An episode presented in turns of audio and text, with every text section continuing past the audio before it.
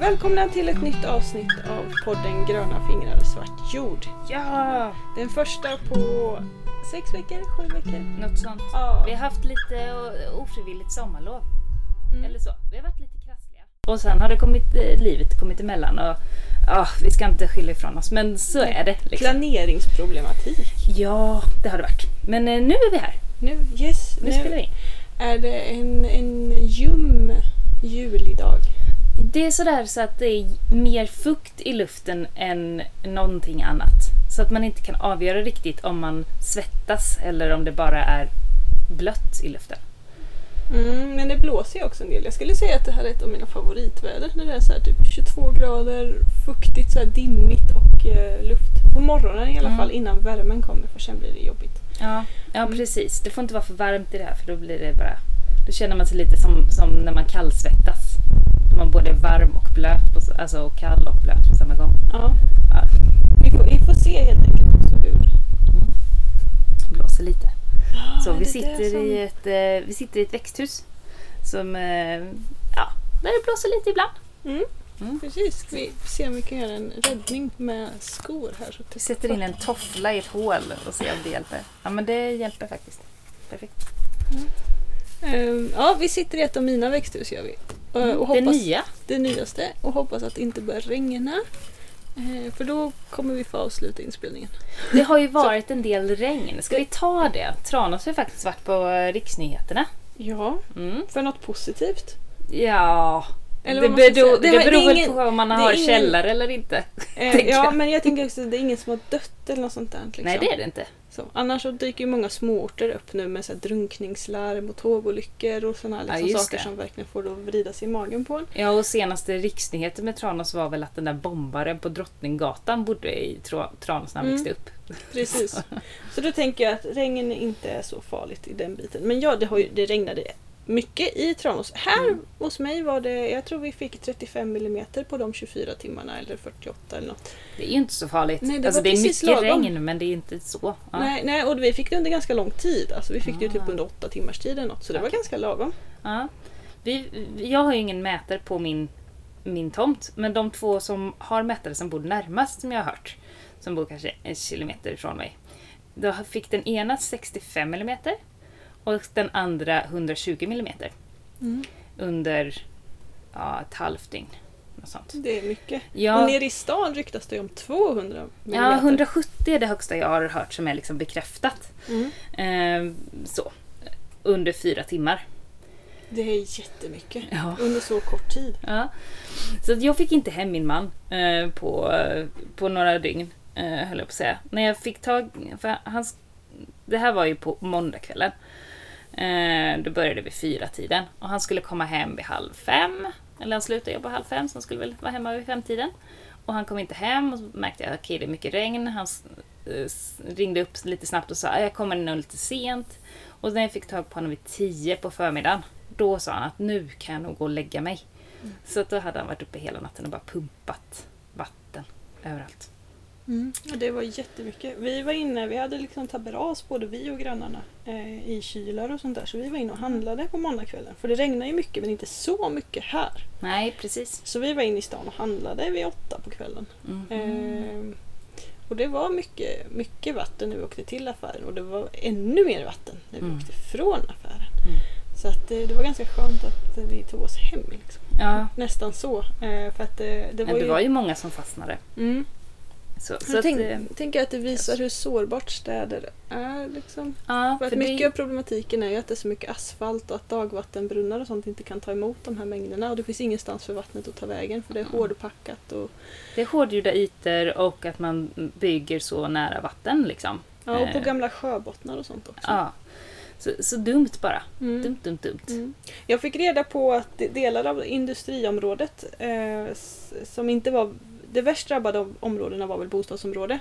Ja. Men delar av de näst mest drabbade områdena är ju industriområden. Mm. Eh, där vi, delar av husen ändå står på pålar för att det liksom är så mjuk sjöbotten eller om Mm. det liksom är något kvar under husen. Och det är liksom det är inte så himla bra när det kommer så mycket regn. Nej, och de pumpar ju fortfarande på vissa ställen. Ja. Och nu har det gått fem dagar. Ja, precis. Så. Så Det blir spännande försäkringsärenden för det. Mm.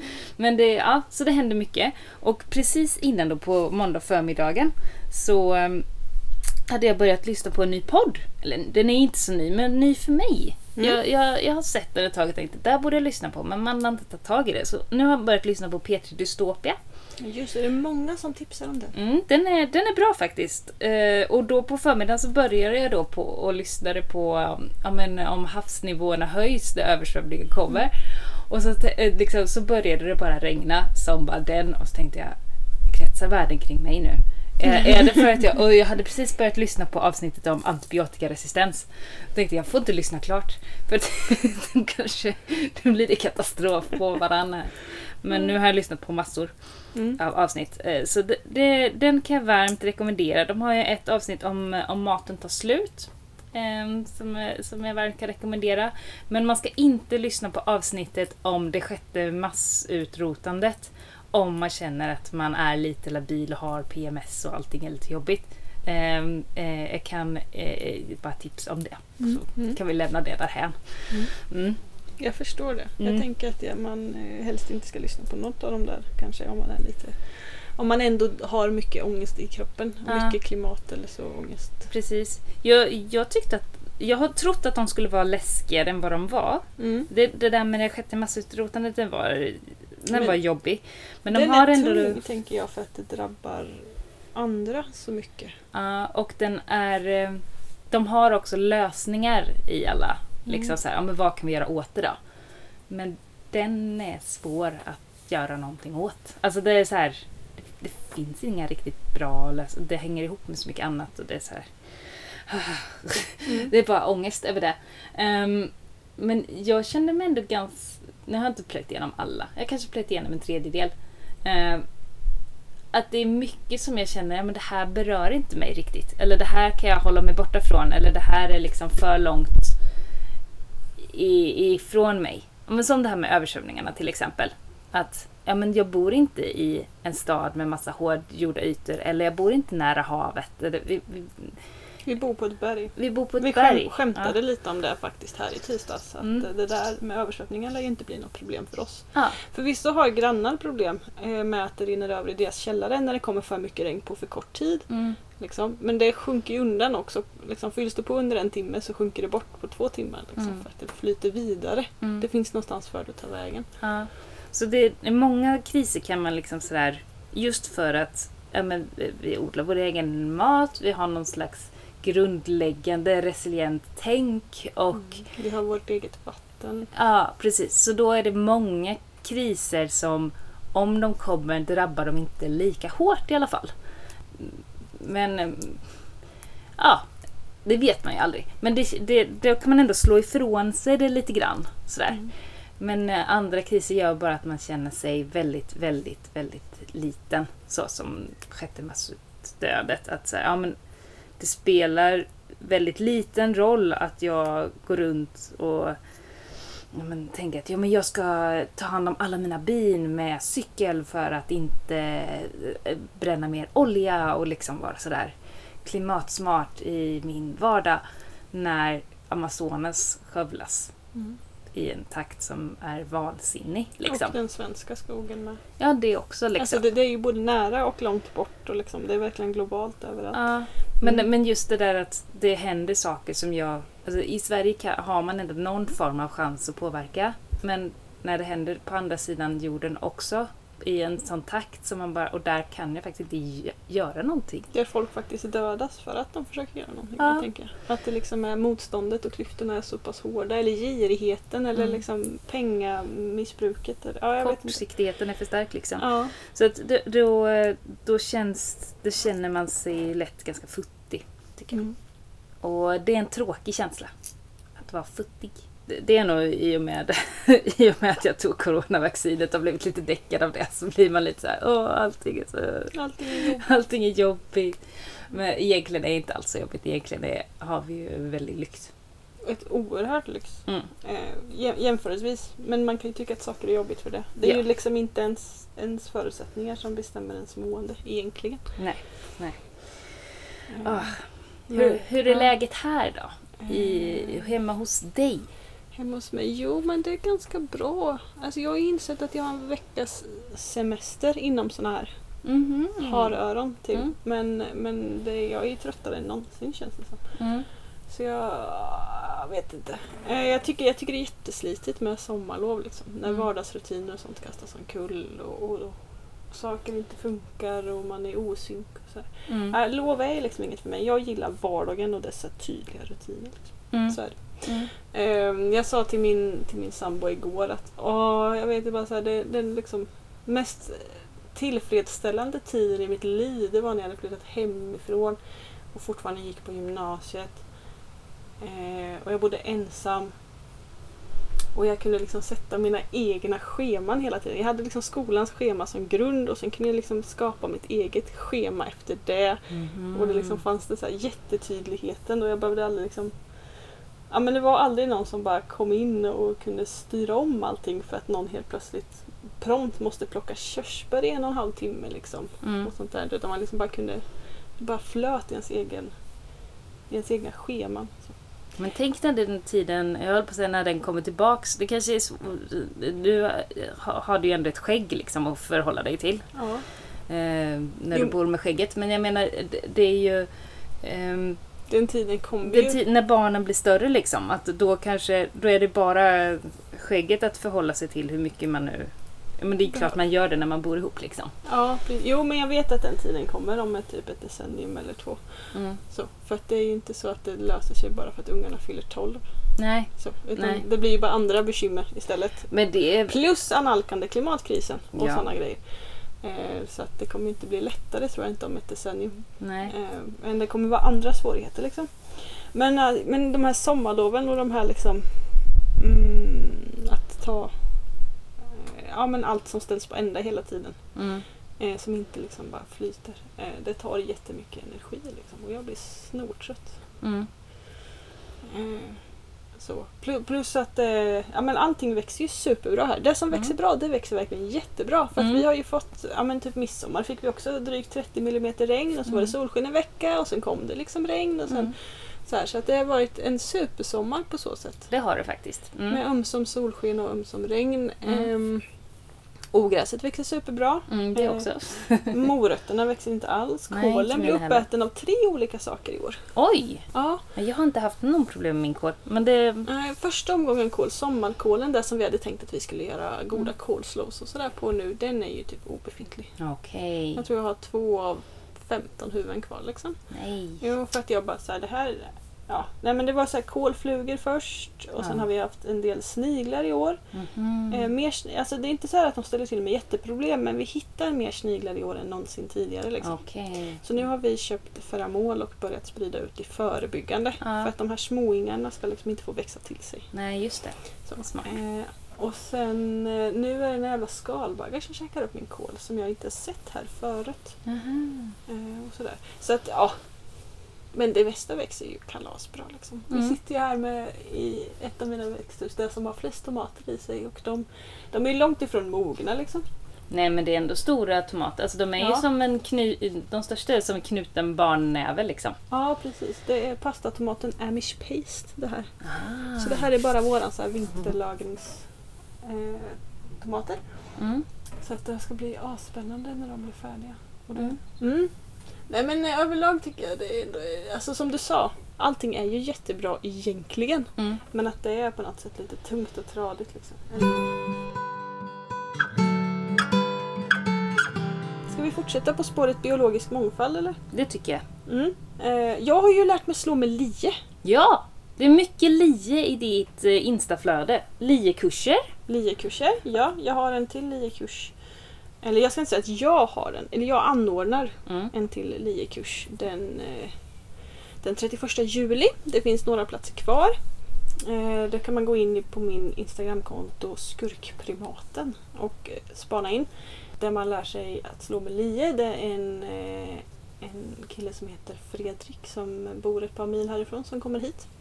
Och lär ut hur man slår med lie, med knacklie. Det finns ju slipliar och knackliar och vi lär oss eh, knacklie. Mm. Eh, Han, jobbar, han är småbrukare och jobbar också för eh, Länsstyrelsen bland annat och så med naturvård och naturvårdsbränningar och Mm. slår ängar och sådana här saker. Så han har bra koll på läget. Eh, men eh, ja, det är Kul. jättekul. Jätte, jättekul. Det Mm. finns ju inget som är en så, nu på tal om det här med fossilberoende och sådana grejer. Det är ju en fruktansvärt hållbar kunskap att Mm. kunna nyttja en lie liksom. För att Mm. de s- håller i evigheter eh, och de är effektivare än både trimmer och gräsklippare och sådär om man Mm. kan tekniken. Liksom. Mm. Och går att använda på så jävla mycket saker. Coolt. Ja, det är Mm. as. Ja, jag är helt frälst faktiskt. Ja, Så nu, nu, slår vi, nu slår vi det mesta med lie för, förutom de gräsmattorna som vi verkligen klipper klipper. Mm. Och det blir så jävla mycket täckmaterial. Så enorma mängder. Så att vi, ja, växthuset vi sitter i nu är liksom inte en gnutta bar jord utan vi sitter ju i gångarna är det ju liksom 10 cm tjockt eller något med, Som ni har liat liksom. ja, med liat grovt gräs. Mm. Eh, och på bädden är det ju istället gräsklipp då. Just det. Mm. Mestadels i alla fall. Mm. Ja, ja, men det, det, ja, det är så bra. Och det känns så jäkla gött också att kunna gå och lia med den där utan att veta att det liksom går åt några andra resurser än typ muskelkraft som Mm. jag får från det jag odlar lokalt. Liksom. Mm. Och sen eh, att man liksom, barnen kan hålla på samtidigt. Man hör alla fåglar, man hör surret, Mm. man ser eventuellt liksom djur som rör sig så man inte behöver liksom mölja på och sådär utan det Ja, Schysst. man kan slå runt paddorna som hoppar i gräset istället för bara mölja på dem som man Mm. gör med en trimmer till exempel. Eller Mm. en gräsklippare. Mm. Så det, ja. Mm. Titta nu kommer en liten fluga med. Ja, jag vill vara med Så jäkla sommarkänsla med flugsurr. Ja. Ja, ehm, så det tycker jag. Om man tycker att det verkar spännande kan man ju kolla in den LIE-kursen på Mm. min eh, Instagram. Man kan också kolla in våran gemensamma kurs, Jorden Ja. och maten. Det kan man. Det, den eh, kommer att bli eh, dubbla kurser i höst också. Eh, Så det finns några platser kvar till B-kursen. Eh, det- Den är inte sämre, den går bara en vecka senare. Mm, så, så att eh, sök på Sommenbygdens folkhögskola och sen distanskurser Jorden och maten så hittar ni våran eh, distanskurs om odling, grundläggande odling. Ja, med Ja. lite helhetstänk. Ja, Man lär sig inte bara odla, man lär sig också reflektera på sakerna runt omkring. precis. Så, ja, historia, relationer och så. Och sen har ju vi också en kurs till vintern. Ja, våran vinterkurs. Eh, jorden och maten, helhet och hälsa. Ja. Ja, Där vi planerar lite mer helikopterperspektiv på sin plats och, eh, och eh, man kan säga mm, granskar eller analyserar, planerar, funderar utifrån olika teman istället på hur man ska kunna arbeta med sin odling. Precis. Bara, det, den går ju typ november till februari, så att, eller december, februari. mm. Så det blir ju bara teori i stort sett. Mm. Eh, och ehm, kan väl säga att man eh, kanske bygger upp en plan för kommande odlingssäsong. Eller Mm. kommande säsonger. Det kan ju vara smart att gå odlingskursen nu på hösten. Alltså man, för den, eh, den andra kursen den är ju liksom en påbyggnad på första kursen om man Mm. inte redan har grundkunskap i odling.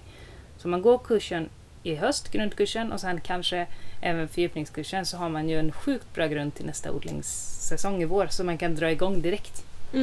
Problemet med, som vi bland annat märkte i våras, det är ju när man går en odlingskurs på våren. Mm. Eh, som vi också har märkt när vi har gått utbildningar på våren. Mm. Det är ju att man kanske får kunskapen man behöver lite för sent. Mm. Liksom. Att man egentligen... Så man får reda på i, i maj att ah, det här kunde jag ha gjort i februari. Ja, Attans. precis. Då får man vänta ett helt år på att använda den kunskapen. Då är Mm. det bättre att gå kurs på hösten. Ja, men det, Ja. eh, ja, så det är vad vi har på gång i höst. Det blir Eh, kul, ja. tycker jag. Jag tycker också det ska bli jättekul. Mm. Ehm, ja, det var inga mer kurser vi har nu va? Nej. nej. Jag har lite såna små grejer på gång. Lite hantverksgrejer på gång. Men det... De datumen har jag inte i huvudet. Ni får Nej. kolla in min Instagram och sånt när, eh, Det upp, när det närmar sig. ja. Ja. Mm. Yes. Men det har kommit upp massa bilder på din Instagram också på, på massa djur. Du har börjat ta Mm. massa djurbild, bilder. Ja, Insektsbilder framförallt. vi har som ett litet projekt här i sommar att spana in mångfalden. Mm. En mångfaldsspaning i, i trädgården just. Eh, för att se vad vi verkligen har här liksom. Mm. Eh, egentligen började med att, att mitt stora barn hade som projekt i skolan att de fick in, de köpte in eh, fjärilsägg.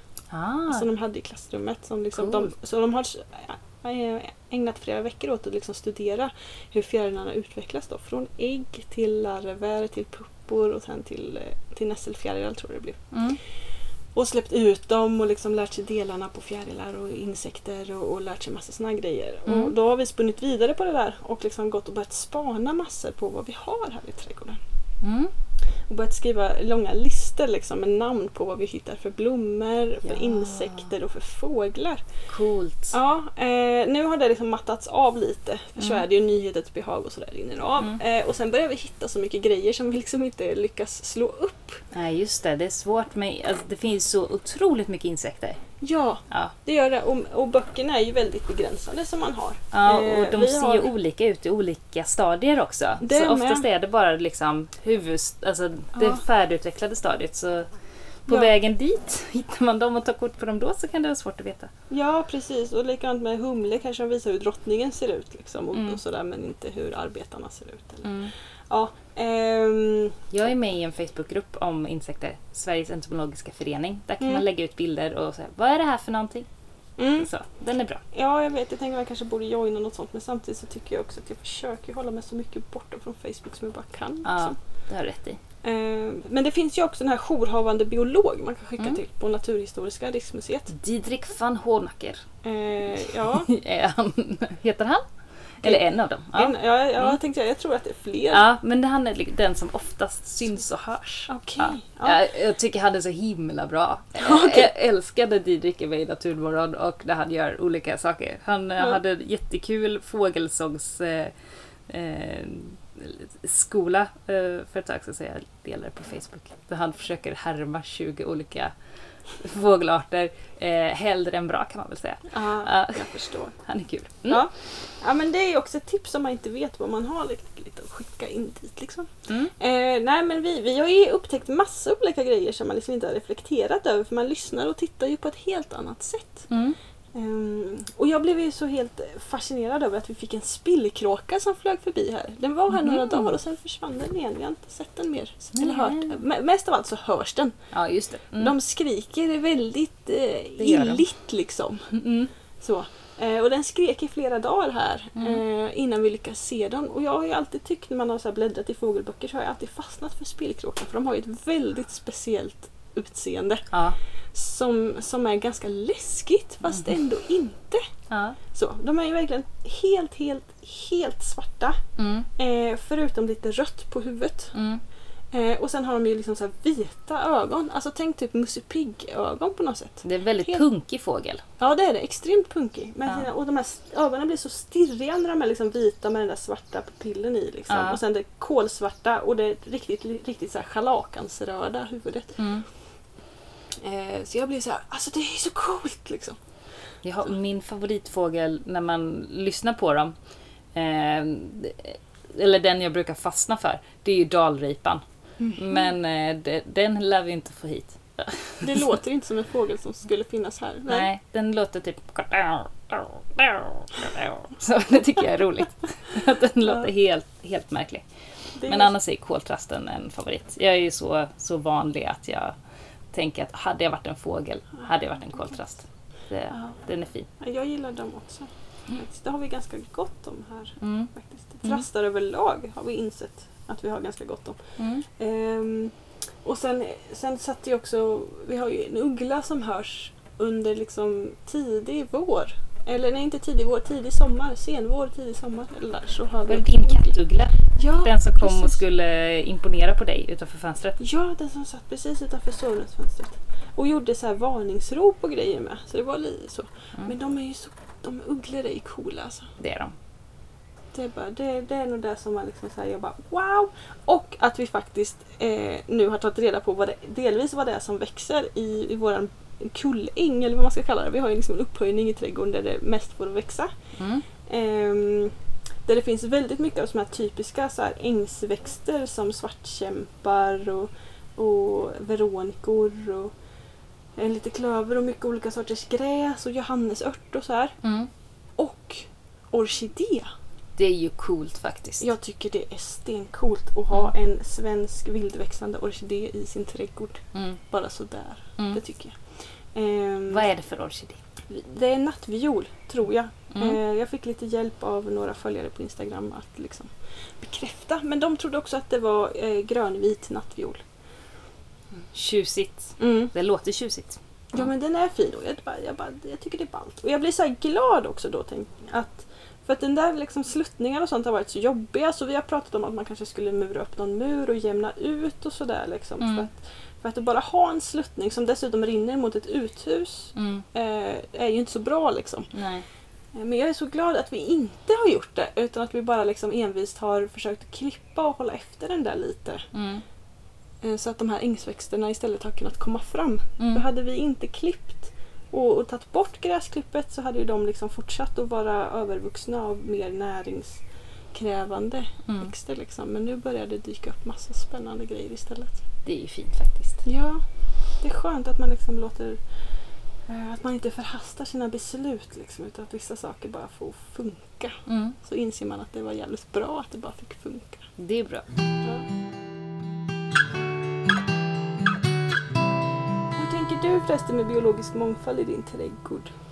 Eh, jag försöker ju att så väldigt mycket blommor, få ut väldigt mycket blommor. Eh, både för mina egna bin eh, och för alla andra pollinerare runt omkring. Jag städar inte så hårt, klipper sällan gräs. Låter blommorna i gräsmattan som maskros och klöver är det nu framförallt stå kvar. Har delar av, av trädgården och gräsmattan där vi inte klipper alls.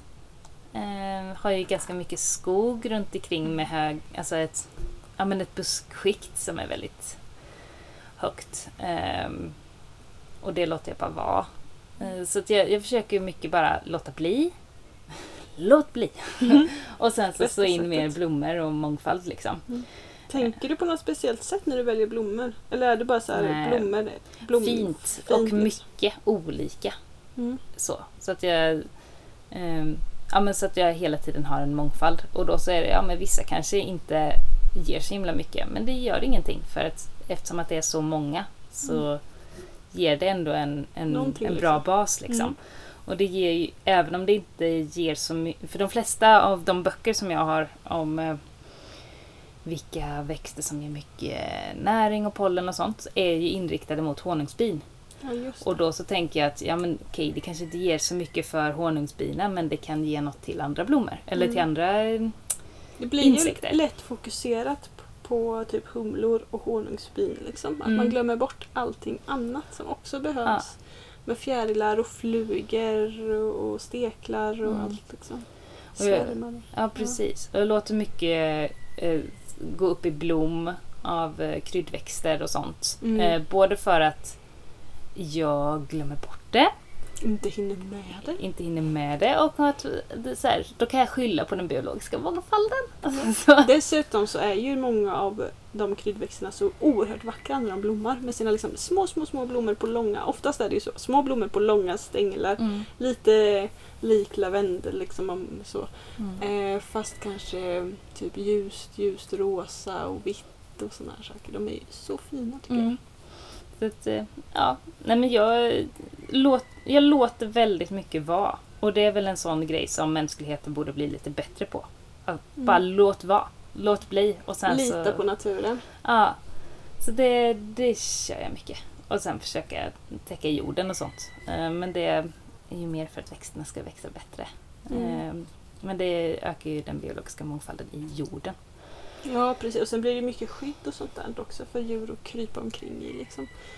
Och sen tycker jag att det har hänt jättemycket sen vi skaffade dammen. Eh, Mm. Att den hjälper oss mycket i den biologiska mångfalden. Det är mycket mer insekter, eh, en större variation av insekter, eh, mycket mer fåglar och andra djur. Liksom. Eh, Så den, är- den är jättebra. Både att ha stillastående vatten men också att ha vatten som, som rör sig lite grann. Eh, När vi sätter igång pumpen. Vi har den inte igång jämt, men lite då och då. Mm.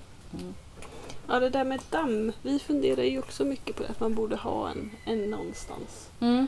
Eh, men jag har ju också landat i att vi kanske typ skulle gräva ner en så här stor murabalja på så här 80 liter eller något. Mm. Eh, någonstans. Eh, men vi har ju som berg så nära så vi kan liksom inte gräva 80 centimeter djupt Nej. på så många ställen. Och då har vi funderat istället på de regnvattengrejerna vi har att samla i. Mm. Eh, vi har ju bland annat ett gammalt badkar som vi samlar i från bostadshuset. Liksom. Mm. Eh, om man skulle ha, sätta i någon sån syrepump eller någonting i det. Så Mm. att man liksom håller det, liksom, dels för ljudets skull, att det skvalpar och sådär och lockar till sig. Mm. Eh, men också att det inte blir så sunkigt så fort annars så blir det liksom inte bra med stillastående vatten. Nej, det blir jättemycket mm, mygg. Mygg och, al- ja, och alger och såna här saker Mm. också ganska omgående tycker jag. Ja, det blir det. Ehm, Som inte alls blir bra. Liksom. Speciellt när ungarna springer och kanske leker lite med vattnet och det hamnar i liksom växtdelar och sånt där Mm. så blir det sunkigt jättefort. Mm. Ehm, så tänker jag att då kanske det duger med det där badkaret liksom, som står inmojsat tids nog då. Bland massa blommande kryddväxter och såna här saker liksom, som Mm. kommer fram runt omkring. Men det är ganska svårt tycker jag då när man börjar googla runt att hitta bra eh, bra pumpar och såna här grejer. Om man inte har el att dra ut liksom, eller om man inte vill dra ut el. Ja, just det. Ja. Om man så här solcellslösningar, antingen så Ja, blir de lite dyra Mm. eller också så känns de väldigt så här wish. Mm. Eh, Klena liksom. Ja, importerat dåligt Mm. och jag ser liksom verkligen inte att eh, solceller är visst bra. Mm. Eh, tillverknings, arbetsmiljöer, Mm. hela den biten jättedåligt. Mm. Men kan ni inte dra Så- ner, eh, dra ner el då? Jag vet inte. Mm. Då måste vi borra ännu fler hål i huset. Och Ja. en grundidé är ju att man inte ska borra så mycket. det ska ju ha så li- lite hål i huset som möjligt. Eh, ja men vi får se tänker jag. Liksom. Men det skulle ju vara gött att ha något som man kunde, liksom, något litet enkelt som inte är så jävla mycket. Men vi får se. Mm. Eh, jag har ju alltid pratat förr om att jag skulle ha den där fula grodan eller något vet, som sprutar vatten. Ja. Men jag har fortfarande inte hittat den. Typ din kissande trädgårdstomte eller Ja, något ja precis. Mm. Något sånt. Eh, men jag har fortfarande inte hittat någon sån som liksom går på solceller. Nej. Är det någon som hittar en kissande trädgårdstomte drivet av solceller? Eh, tipsa oss om det Mm. på Instagram eller Facebook. Precis, till rimligt pris med Ja. goda så här, tillverknings och arbetsmiljövillkor bakom. Ja. Good luck everyone! ja. Mm. Nej men jag, jag tänker också så här att det där med vatten liksom, det är ju bra. Mm. Alltså man måste ju få in mer vatten, man måste samla mer vatten och, och den biten. För även om, alltså jag har tänkt på det när jag har vattnat mina växthus eh, nu. Att Mm. om jag vattnar ut liksom en gång med vattenkanna här Mm. eh, så tömmer jag ju ungefär 200 liter Mm. i ett av växthusen. Mm. Och då gör jag ju det helst liksom var tredje, var fjärde dag om det är liksom eh, svensk sommar. Mm. Eh, och är det liksom, eller gammal svensk sommar. Mm. Om det är nuvarande svensk sommar så ska jag gärna göra det varannan var tredje dag. Mm. Och det är liksom en kubik vatten i veckan i Mm. ett växthus. Det är mycket vatten. Mm. Speciellt om det bara ska samlas. Det, det, man, jag, tror, jag tror ofta så här, eller jag kan tänka när man pratar med nybörjare som är så lite frälsta på det där med regnvattensamlande eller Mm. liksom täckodling och såna här saker. Mm. Är att det är svårt att liksom greppa mängderna Mm.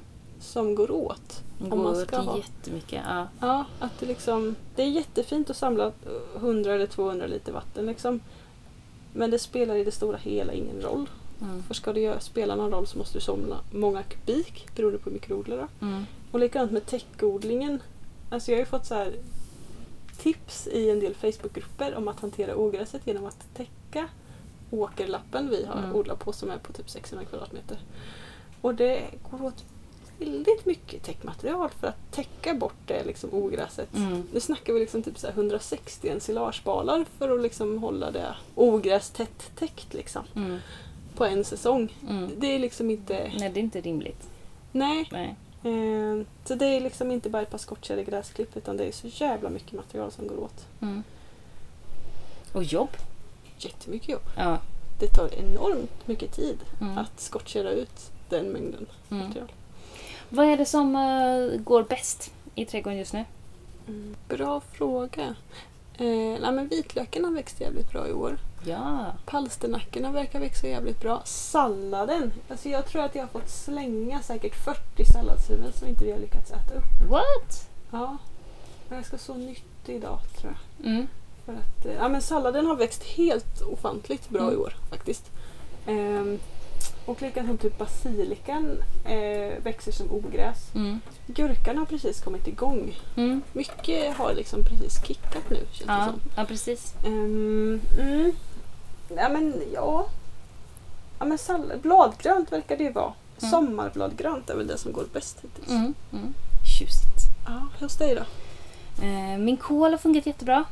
Eh, och bondbönor har funkat bra. Eh, jag har inte skördat än, men de, de växer fint. Växer på så fint. Så jag, jag tänker att det kanske kan... Jag ska klämma på dem lite nu efter det här regnet. Då kanske de har biffat till sig. Mm. Eh, men eh, det, det har gått bra. Eh, blommor har gått jättebra överlag. Jag försöker tänka. Kryddor har gått bra. Vad har inte gått bra? Morot har gått skit. det, ja, eller hur, det är ett dåligt morotsår. Ja. ehm, Vi ska så om tredje gången nu när vitlöken åker upp. Ja. Nej, men jag har lite... Jag har två stora bäddar med morot eh, som jag satt vid olika tillfällen. Och nej, men ogräset växer ju så himla mycket snabbare än morot. Och så... Ah, det är så himla arbetsintensivt att rensa bort det där. Så jag har väl lite så här, äh, Vi får se. Det får väl växa över så får vi se om det kommer någon morot. Och så. så vi se. Ibland dyker det upp ändå liksom. Ja. Kanske inte så mycket att skörda men några. Ja, precis. Så det har inte gått så bra.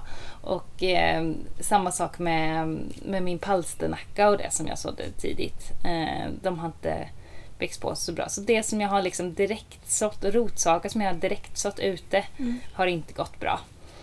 Eh, men, Men palsternacken kan du ju förså i pluggbrätte. ja, jag vet. Men jag, jag gjorde inte det i år. Och så Blev tänkte jag, ah, vi chansar på det och så, nej, ja, ja. Det, det är sånt där som, jag lägger inte så mycket vikt vid det som inte funkar. Utan bara så här, nej, det gick inte. Då får jag äta något annat. Ja, ja, men Ja. det är ju så man får tänka. Man får anpassa sin, sin kost efter vad man skördar. Och sen Ja. så finns det, jag tänker att något av det bästa på något sätt ändå att behöva köpa. Det kanske är svenska rotsaker. Ja, Eh, för ni har ju också egentligen möjlighet att förvara det. Så man kan ju Mm. köpa på sig det när det är billigt liksom. mm, Och stoppa undan det i sina egna matkällare. Och så behöver man inte köpa importerade eh, palsternackor i februari liksom. För man Nej. har svenska mm. som man har köpt tidigare och så. Ja. Och då, ja. Och honungen har gått jättebra. ja Alltså- det har jag förstått. Vi har redan nu i början av juli, är det? Jag, jag blandar alltid ihop de här månaderna. Men i början av juni har vi redan skördat dubbelt så mycket honung än vad vi gjorde förra året. Det är På coolt. hela förra året. Liksom. Hela, men du har också fler kupor i år. Eller Ja, samhällen. men inte så många fler. Jag hade Nej. 10 eh, förra året och i år har jag 15. Ja, Just det, det är, det är inte jätte... Det är liksom ingen så här hundraprocentig ökning. eller Nej, precis. Och det var ju en som... Eh, det var ett samhälle som inte överlevde. Så jag började ju med nio. Så sex av de här Jag avlägger. är avläggare. Så de är ju liksom små samhällen som inte ger så mycket. Mm. Alltså Så. det, vad är det som har gjort att det går så mycket bättre i år? Det är varmt varje dag. Att det är liksom De sommarvärmen? är ute varje dag ja. och samlar varje dag. Eh, och att det har varit en, det var en hel del regn i, på hösten, eller på våren. Så att det var mycket eh, vatten i marken. Så att eh, växterna har kunnat producera mycket blommor och också de blommor som finns har, Mycket har fukt i sig. De har nektar i sig. För ibland kan det vara som det är. Det finns mycket blommor men det har inte regnat på ett tag och då finns det liksom ingen nektar kvar i blommorna. Även om man ser dem så har det ingen mat i sig. Ja. Men nu har det ändå fyllts på med vatten lite då och då eftersom det har regnat någon gång i veckan eller sådär. Eh, och det har regnat lite grann men ändå hållit sig över 20 grader så gott som varje dag. Mm. Eh, så då är alla ute hela tiden och då så bara tar de in, tar de in, tar de in. Får man ett par dagar då det går ner under 14 grader då så sitter de ju bara inne i kupan och äter upp av förrådet. Ja. Och sådana dagar har vi inte haft alls. Nej. Woho! Säger jag Det är om det. lite av en supersommar på sitt sätt. Just här Mm. i alla fall. Ja. Jag vet ju att neråt landet har de ju haft betydligt större problem med torka och sådär. Precis, och det har varit väldigt mycket svärmar har jag hört från folk. Jag har inte sett att några av mina samhällen har svärmat. Men det är några drottningar jag inte har sett på ett tag så att jag tänker att då kanske de har svärmat utan att jag har märkt det. Jag har ju bigårdar på fyra ställen nu. Och det är bara en bigård som är hemma. Så att de andra märker ju inte om de svärmar om inte de som bor där märker det. Och de Mm. är ju inte ute och tittar hela tiden. Eller så. Nej, Det-. En svärm kan ju gå på liksom en, en halvtimme och sen så ser man den inte. Nej. Så även om den sitter i trädet bredvid så märker man inte av det om man inte vet vad man ska kolla efter. Ja, just det. Och de, Så är man, hör inte ute det, just då så... Nej, man har ju att det liksom surrar oerhört när en svärm drar förbi. Ja, Men det är bara just när de flyger. ja precis. Och sen när de har satt sig så liksom tystnar de. Mm. Och då kan man ju höra att det surrar lite från ett ställe där det inte brukar surra. Och då kan man hitta dem och se att där var en klump med bin. Mm. och ser att det, det flyger bin till och från den klumpen då. Eh, men de hörs ju inte mycket. Alltså då måste man vara en 5-10 meter från det stället. Och det är ju inte alltid att man är ute i sin trädgård precis då liksom. Eller så. Folk är på jobbet eller de sätter sig i något obskyrt hörn där man inte brukar vara. Liksom.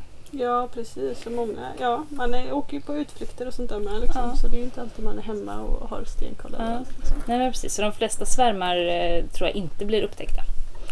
Ehm, och så kan det vara. Så jag, har, jag har inte fångat någon svärm än i år. Men det, det kanske kommer, förhoppningsvis inte. Det brukar inte gå lika mycket svärmar efter midsommar. Då Nej. brukar de lugna ner sig. För då Mm. är det liksom eh, så kort tid kvar av sommaren.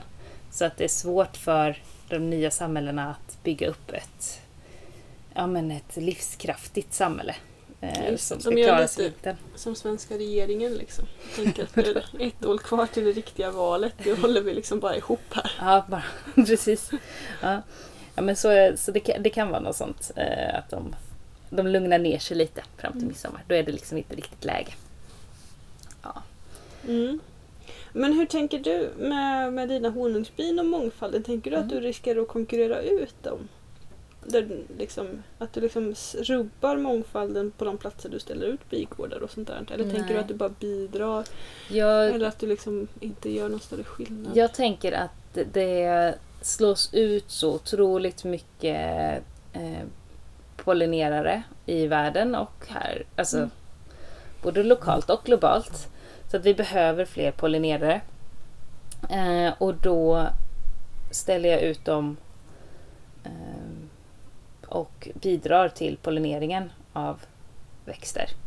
Och det är superbra. Sen är det kanske precis på den platsen där jag ställer ut dem. Där kanske det då, då måste jag ju se till att det finns mat till dem där. För de, de är ju så många så de tar mycket käk. Men de tar heller inte all typ av käk. Det är vissa växter som de, in, de har för kort tunga för att ta till exempel. Och, um, sådär. Eh, så jag ser till att ställa dem på platser där det finns mycket käk redan. Så att de har mat och inte konkurrerar med andra. Försöker inte ha för många kupor på samma ställe. Eh, och sen så om det blir så att det är precis där att de konkurrerar för mycket med några insekter så kan de insekterna flytta på sig lite grann. Så att det går liksom att samarbeta. Mm. Ehm, Men också på de platserna där jag har bin eh, så har jag märkt att både hemma hos, hos mig så blir det ju så att jag sätter mer blommor och liksom tänker mer på det och då så ökas ju den biologiska mångfalden för att jag anpassar mig. Mm. Eh, Och på de andra ställena där det är lantbrukare eller personer som har det i sin eh, vanliga villaträdgård märker jag att de också gör så.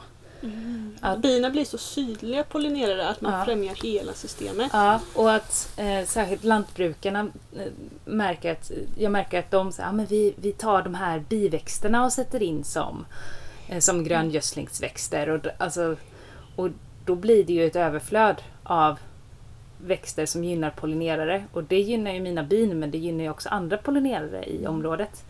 Så bara den här medvetenheten kring pollinerarna eh, och att man vill hjälpa honungsbina gör att även de andra bina får hjälp.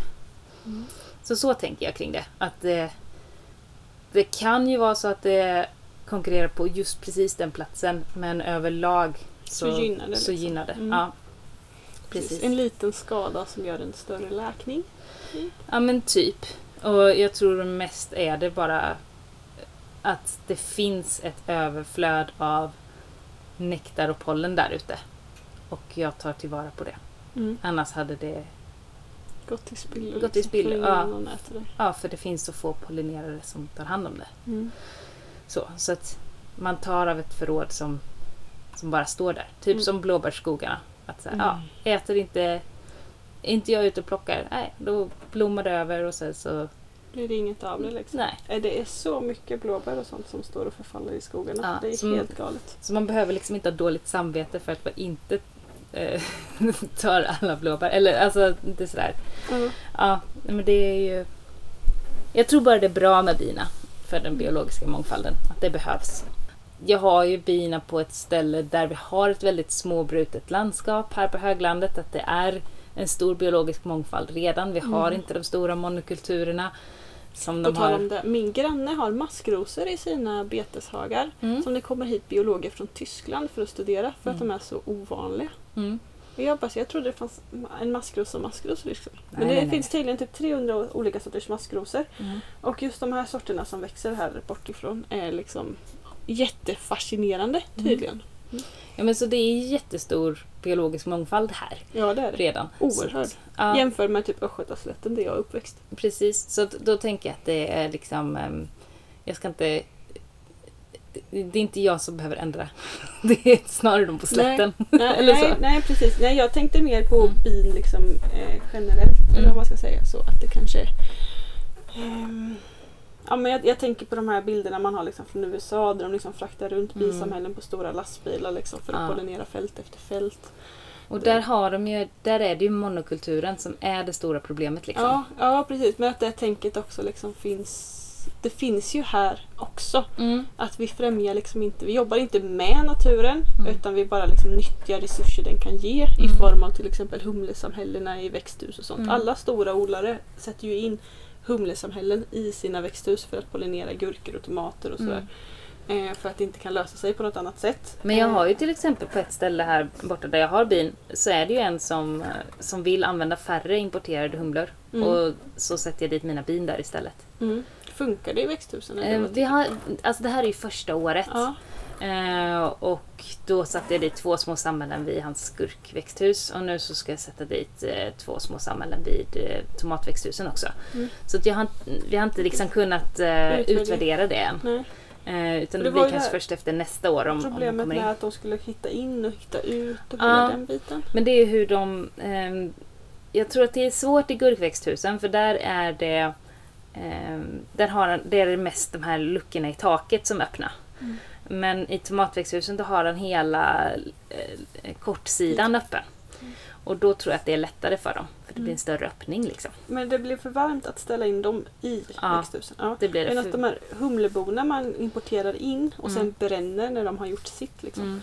de, de ställer man ju in i växthusen. Mm. Ja, precis. Så jag tror att de kommer fortsatt att eh, kanske behövas. Eh, för att han ska få en optimal skörd. Men han kanske inte behöver importera så många. Nej, just det. Så. Och det är Jag vet bättre. att vi gör försök med att liksom eh, föda upp, säger man väl då, eh, svenska humlor istället Mm. till sådana där växthus. Men jag tycker ändå att själva grejen är liksom lite knäpp på något sätt. Ja, men det är det. Att man, det borde gå att, göra, gå att göra på ett annat sätt genom att odla inte så monokulturellt i växthusen. Mm. Alltså det finns ju liksom humlor, typ hushumlor och sånt där som ändå liksom bygger bon i byggnader. Mm. Varför kan man liksom inte försöka främja in de alltså, Mm. naturliga humlor som in i växthusen? Liksom? Mm.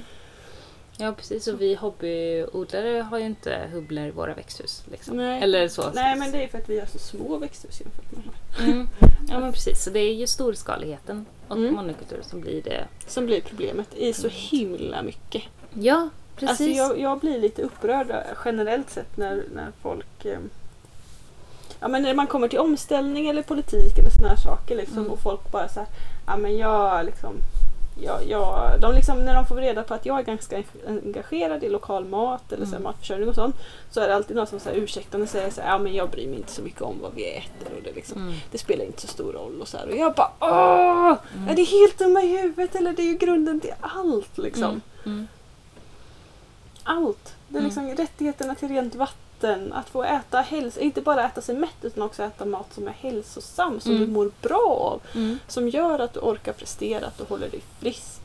Eh, att du kan hantera ditt jobb. Det har ju liksom med, med arbetsmiljö att göra. Det har liksom med allt. Mm. Allt. Det är hela, hela grunden liksom. Mm. Eh, men folk tenderar till att inte se det. Mm. Utan bara så här, ja men det är en liten bisida. Liksom. Mm. Ja. Mm. Det är nog det som gör mig mest frustrerad just nu, överlag förresten. att folk inte fattar matens betydelse. Ja, ja Mm. och att folk som vanligt har så jävla svårt att se helhetsbilderna liksom. Mm. Ja, det är lurigt. Mm, så, alltså, det är inte för att jag är så jävla bra att se helhetsbilden av allting hela tiden. Eh, jag är väl dessutom insnöad på helhetsbilden, liksom, mat-helhetsbilden på något Mm. sätt. Liksom. Eh, men jag tänker också att det är liksom Det är jävligt synd att folk inte ser mer. Liksom. Mm. Eh, och att, det, ja, men att folk inte kan skillnaden mellan liksom småskaligt och, och småskaligt heller. Mm. Att liksom bara för att det är närodlat behöver det inte vara bra. Mm. Eh, bara för att det liksom köps på reko så be- betyder inte det att det liksom inte är totalt utsålt till så här multinationella marknadskrafter och sånt. Mm. ja. Att det inte är så enkelt helt enkelt. Nej, Mm. Precis. Att det är jävligt komplicerat och att folk liksom inte ger det den uppmärksamhet som det förtjänar. Liksom. Mm. Jag tänker det handlar om social rättvisa och så också. Kan väva in rasismen och Mm. hela den Mm. biten där med. Liksom. Mm. Resursanvändningen överlag. Liksom. Mm. Verkligen. Stort. Det är jättestort. Mm. Jätte, jättestort. Liksom. Och där någonstans kommer väl de där humlorna grejerna in också. Liksom. Ja men precis. Och Och vi har ju migrerande bioodlare i Sverige också. Inte så att de åker över hela landet men att det finns ställen, eh, både andelsbigårdar och vanliga bigårdar där man har eh, bikuporna på flak och flyttar runt dem till olika platser mellan eh, Mellan odlare och sådär. Ja, Mm. under säsongen att nu blommar rapsen, då åker vi dit. Och nej, nu blommar klövern, då åker vi dit. Och sådär. Och det är ju en stress för bina att flyttas på. Även om man inte flyttar så långt. Alltså det är ju värre att, som i USA att de flyttar dem under, på stora lastbilsflak under två dagar och det finns verkligen bara mandel till exempel att äta. Nu är det ju om man, om man flyttar till ett ställe med bara raps så finns det förhoppningsvis lite annat i gräskanten Mm. också. Men, mm, men just idén om att man flyttar runt det är ju lite bökig och då har jag alltså, jag känner inga sådana som är här i närheten för här är det liksom inte riktigt lönt. Utan då måste man vara i de större Alltså ute, Slätterna, ja, tänker ute på slätterna nere i Skåne eller sådär. Ehm, och de jag har hört om, det är folk som har anlitat andelsbigårdar som har det här konceptet. Och då skickar de ju ut i nyhetsbrev att så här, oh, men nu är din lilla kupa på det här stället. Titta vad fint damerna har fått det. Eller, och nu är de, titta nu har de flyttat hit och nu Ja, har de det. så det är liksom en liten mysig grej att de flyttar runt och tittar nu får de bo här vid vattnet eller nu får de bo i den Och så här har dungen. folk så dålig kunskap eller så dålig förståelse Och då tänk- för ja, att då tänk- djuren är precis som vi människor som kanske liksom blir stressade av olika situationer. Ja, eller också att man förmänskligar djuren på ett sätt som inte funkar. Att så här, Mm. ja, men vi kanske tycker det är mysigt att så här, ja, men nu Att åker vi på semester eller nu åker vi iväg. Men det gillar inte bina, de vill vara på en plats. De vill inte att sin kupa ska flytta iväg. Bina är introverta. Ja, men de har ju ett väldigt inrutat system kan man ju säga. Ja, Ja. och vill att det ska vara på ett ställe. De flyttar till en plats för att där vill de vara. Liksom. Men ehm, ja, så att det paketeras ju på ett sätt som gör att det låter väldigt mysigt och gulligt för den som inte har koll. Men det kanske inte är så himla mysigt och gulligt. Ja, får vi se om vi får några arga eh, meddelande från eh, biodlare eh, som flyttar runt sina bin. Möjligt. Jag flyttar också mina bin ibland. Någon gång per säsong kan det vara så att jag flyttar något samhälle som jag har tänkt att ja, men det ska vara i den här bigården istället. Men då får det samhället sen stå där på den nya platsen tills det inte klarar sig längre. Mm. Så någon gång måste man flytta sina bin. Ja, men jag tänker så är det väl med de flesta djur som människan håller. Att Ja. någon gång så förflyttar vi dem och någon gång går vi emot deras natur. Men jag flyttar dem inte flera gånger per säsong för att maxa skörden. Det blir liksom... Det blir fel liksom. blir fel. Och du förmänskligar dem inte på det sättet heller. Liksom. Nej, jag ger dem Nej. namn. Ja, men på, tal, nej, på tal om det så ville mitt äldsta barn titta på så här gulliga kattvideor med mig på Youtube. Oh. det, ja. Och jag bara så här. Och jag fick bita mig i tungan så många gånger. Och jag bara så här. Det, här- det här är ju liksom inte... Att katter kläs i människokläder. Liksom. Mm. Att katter förväntas sitta stilla framför en, bröll, eller liksom framför en, en födelsedagstårta. Mm. Eh, att katter och människor delar på en klubba tillsammans. Mm. och liksom säga jag bara det här är inte gulligt. Det här, det här är ju fan hemskt Mm. liksom. Mm. Att vi förmänskligar djuren så till den grad att vi liksom behandlar dem som som oss själva.